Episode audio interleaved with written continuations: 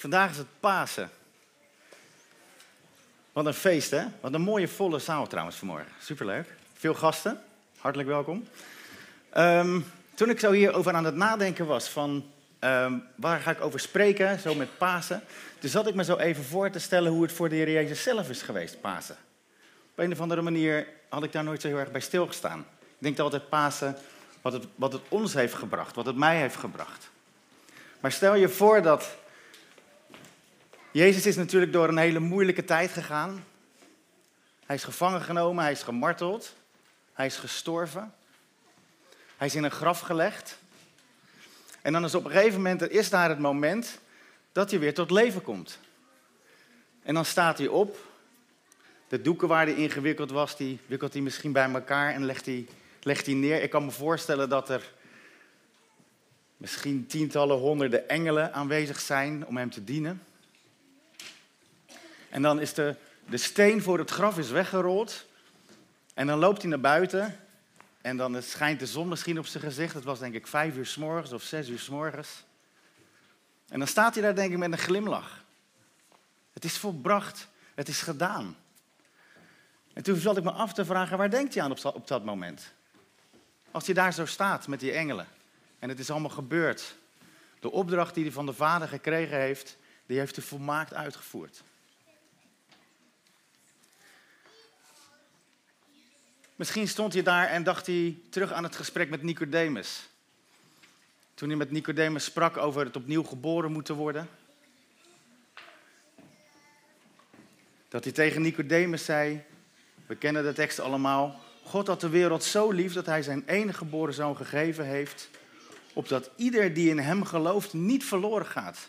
Misschien besefte hij dat, misschien was hij daarover aan het nadenken was hij vol van blijdschap. Al zijn vrienden, al de mensen waar hij zoveel van houdt, hoeven niet verloren te gaan. Dat is wat hij bereikt had. Of misschien dacht hij terug aan Johannes 12. Dat is zo eigenlijk net, had hij een gesprek met een aantal mensen, zo net voordat hij gevangen werd. Dan had hij een gesprek en daar zei hij op een gegeven moment, nu, nu zal de heerser van deze wereld, dan heeft hij het over de duivel, uitgebannen worden. Nu zal de duivel of de heerser van deze wereld verdreven worden. Misschien is dat wat door hem heen ging toen hij daar stond. Hij dacht vanaf nu gaat het komen. Nu gaat de duisternis verdreven worden. Nu is het afgelopen met de duisternis en nu gaat het licht doorbreken in de wereld. Of misschien dacht hij terug aan Johannes 17, waar, waar beschreven staat dat, um, dat Jezus in de hof van Gethsemane een gebed uitsprak. Ik ken het allemaal, denk ik ook, het hoge priestelijk gebed. Waarin hij zegt, Heilige Vader, bewaar of bescherm hen door uw naam. De naam die u ook aan mij gegeven hebt, zodat zij één zijn. Zoals wij één zijn. Misschien was hij vol blijdschap dat hij besefte dat alle mensen waar hij van hield nu ook echt helemaal met God verzoend zouden zijn. Alsof ze nooit gezondigd hadden, alsof er nooit wat gebeurd was wat tussen God en hen in was gekomen. Verzoend.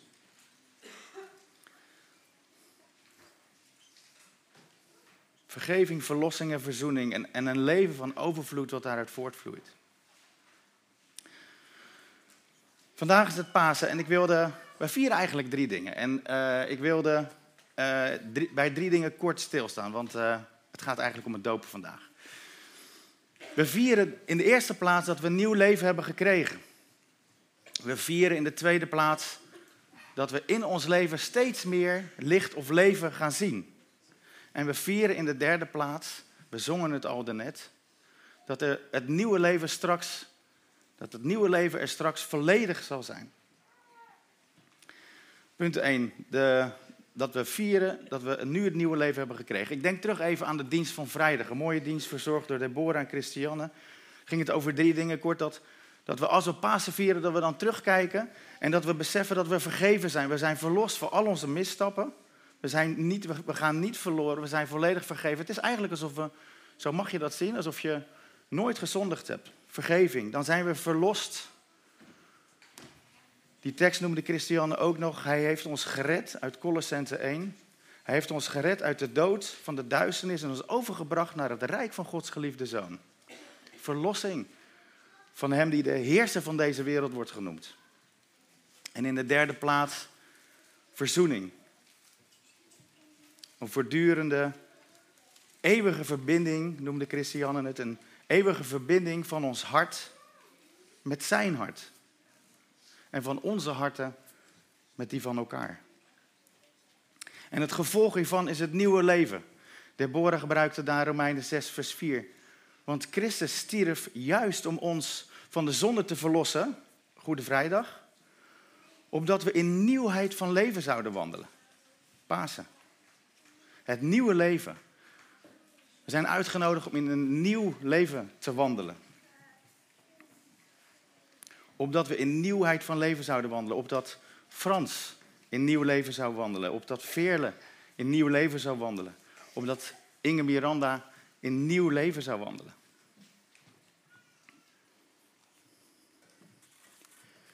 Het tweede is wat we vieren, dat, dat we steeds meer licht in ons eigen leven gaan zien.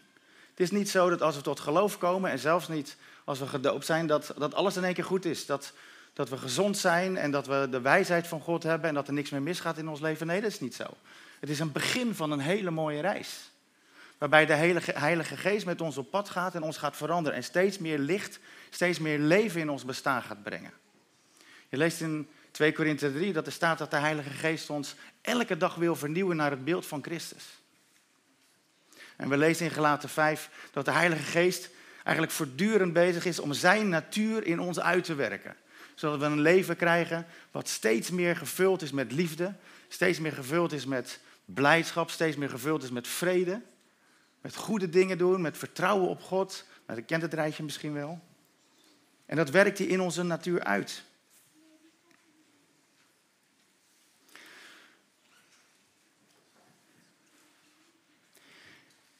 Maar er is meer dan dat. Er is ook overwinning over, over die heerser waar ik het eerder over had. Ik werk voor het Omega-project en uh, daarmee nemen we allemaal getuigenissen op van, op van mensen. En die sturen we dan uh, via een smartphone-app naar allerlei mensen toe om mensen te bemoedigen. Allemaal mooie getuigenissen. En zo heb ik twee weken geleden heb ik Rick ontmoet. En Rick is een jongen van 25 jaar. En hij vertelde het verhaal aan mij dat hij uh, van jongs af aan eigenlijk vol zat met angsten. En dat is misschien iets wat in de samenleving ook veel, dat we dat veel zien. Dat mensen angst hebben voor allerlei dingen, voor wat het nou ook is. En hij had angst om zich te verbinden met mensen. Hij had angst om verlaten te worden. Hij had angst om te gaan slapen. Hij had angst voor de dood. En als hij een jaar of twaalf is, dan is hij eigenlijk al, zou je kunnen zeggen, depressief. Hij groeit ook op in een gezin wat niet heel stabiel is. En ik denk dat hij ook wat meegekregen heeft uit, uit de geslachten, zoals ze dat wel eens noemen. Want er was in zijn familielijn wel meer um, meer gevallen van angsten. En dan op een gegeven moment is hij bij een vriendin en uh, die vriendin is tot geloof gekomen en die vertelt daarover. En uh, dan vindt hij dat bijzonder, want hij ziet dat ze ook echt veranderd is. Er is iets met haar aan de hand. En dan is hij thuis op een gegeven moment en vindt hij dat bijzonder. En dan schreeuwt hij het uit naar God en zegt hij, als u bestaat, als u er echt bent, help mij. Nou, op dat moment gebeurt er niks. En hij gaat slapen en de volgende dag heeft hij een afspraak met zijn neef. En uh, tijdens het gesprek met zijn neef zegt zijn neef... Uh, Rick, um, ik heb zomaar heel sterk het idee dat ik met jou over het geloof moet praten. En Rick vindt dat bijzonder, want natuurlijk die, die nacht daarvoor uitgeschreeuwd naar God. En ze hebben een mooi gesprek over het geloven. En zijn neef zegt, joh, mijn vader, je weet er ook veel van. Kom, we gaan naar mijn vader. En hij gaat naar, naar eh, zijn oom toe, samen met zijn neef. En ze hebben daar een heel goed gesprek. En hij merkte dat in dat gesprek verdween die angst langzamerhand en ging, uh, werd zijn hart steeds meer gevuld met hoop.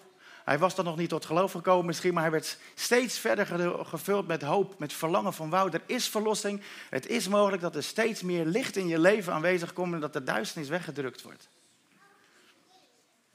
En zo is hij op een, op een of andere manier, vertelt hij, met allerlei mensen in contact gekomen die met hem over het geloof begonnen te praten. En zo groeide zijn geloof dat hij op een gegeven moment zo blij was en dat hij zegt, hier wil ik voor kiezen. Hij besloot zich ook uh, te laten dopen. Die vriendin waar ik het over had, die, uh, die had een vijver achter in de tuin. Hij dacht, dat kan daar wel.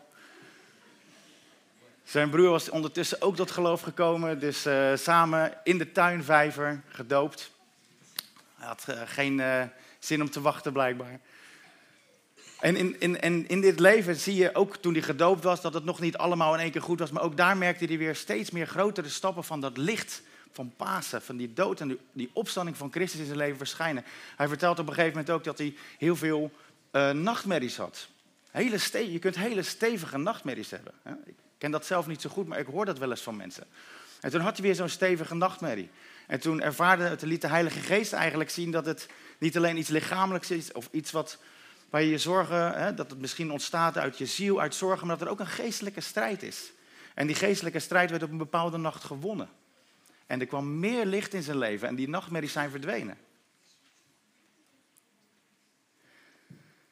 En ook had hij het idee dat het goed was om dat licht wat hij steeds meer uh, ervaarde, om dat ook te gaan uitdelen.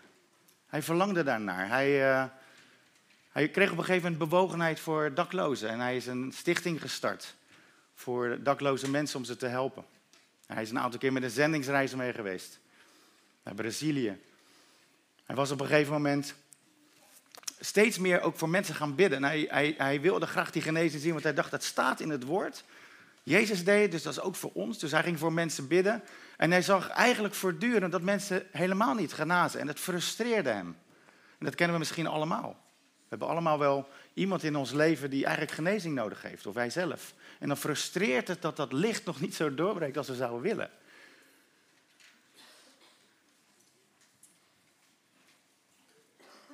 En hij besloot op een gegeven moment dat hij uh, daarmee wilde stoppen met het bidden voor genezing. Hij dacht, dit is, dit is, ik, dit is niet voor mij of ik, ik weet niet hoe dit werkt. En hij was er gefrustreerd over. En hij liep naar zijn boekenkast. Hij pakte al zijn christelijke boeken bij elkaar, liep naar de container. Alles in de container gedonderd. Stond daar nog met de Bijbel, zal ik die erbij gooien. Besloot dat niet te doen. Ik vind dat zelf een wijs besluit. En een paar dagen later was hij op een, op een, een, avond van jongeren, een jongerenavond. Het was een jongerendienst en uh, Rick is 25 jaar, was op de jongerendienst. En um, uh, op een gegeven moment uh, kwam er een jongen naar hem toe en die zei... joh Rick, dat getuigenis wat jij een tijdje geleden gaf... over die angsten die je vroeger had en dat die stemmen aan het verdwijnen zijn... dat vind ik bijzonder, want die angsten die heb ik ook. Dus ik was daar heel erg door bemoedigd door dat verhaal. Maar, zegt hij, Rick, um, weet je wat, ik heb ook ik heb ook stemmen in mijn hoofd. En die gaan maar niet weg. Wat ik ook doe, wat ik ook bid of wat ik ook probeer, die stemmen die gaan niet weg. En Rick had zoiets van, ja, uh, ik wil nu wel voor je bidden, maar ja, ik zit net eigenlijk in een beetje in een fase dat ik er juist gefrustreerd over ben, omdat ik weinig zie gebeuren. En de, de, de, de, de, de jongerendienst ging verder en op een gegeven moment zei degene die die avond leidde van, nou jongens, de avond is voorbij, maar laten we nog even voor elkaar bidden. Het is altijd goed om voor elkaar te bidden. En de jongen kwam gelijk naar Rick toe van, joh, wil jij voor mij bidden? En Rick zei, vooruit, ik doe het. En hij legt de handen op zijn hoofd en spreekt een gebed uit. En tijdens het gebed uh, doet die jongen zijn ogen wijd open en hij zegt, Rick, ze zijn weg. De stemmen, ze zijn helemaal weg. En hij natuurlijk heel blij en Rick ook blij dat hij ziet dat het licht doorbreekt. Het, het, gaat niet altijd zo makkelijk, maar God verlangt er enorm naar dat het licht in ons leven doorbreekt en dat ook genezing doorbreekt. En Rick is naar huis gegaan is naar de container gegaan, heeft alle boeken er weer uitgehaald. Om weer rustig netjes in de kast gezet. En hij vertelt me dat hij daarna veel meer genezingen is gaan zien. Dat was ontzettend bemoedigd. En zo is het mooi om te zien dat uh, in het leven van Rick dit ook zo duidelijk zichtbaar is. Dat er vergeving is, verlossing, verzoening en leven in overvloed, maar dat het, dat, het, dat het komt hoe meer wij Jezus gaan leren kennen, hoe meer we met Hem gaan wandelen.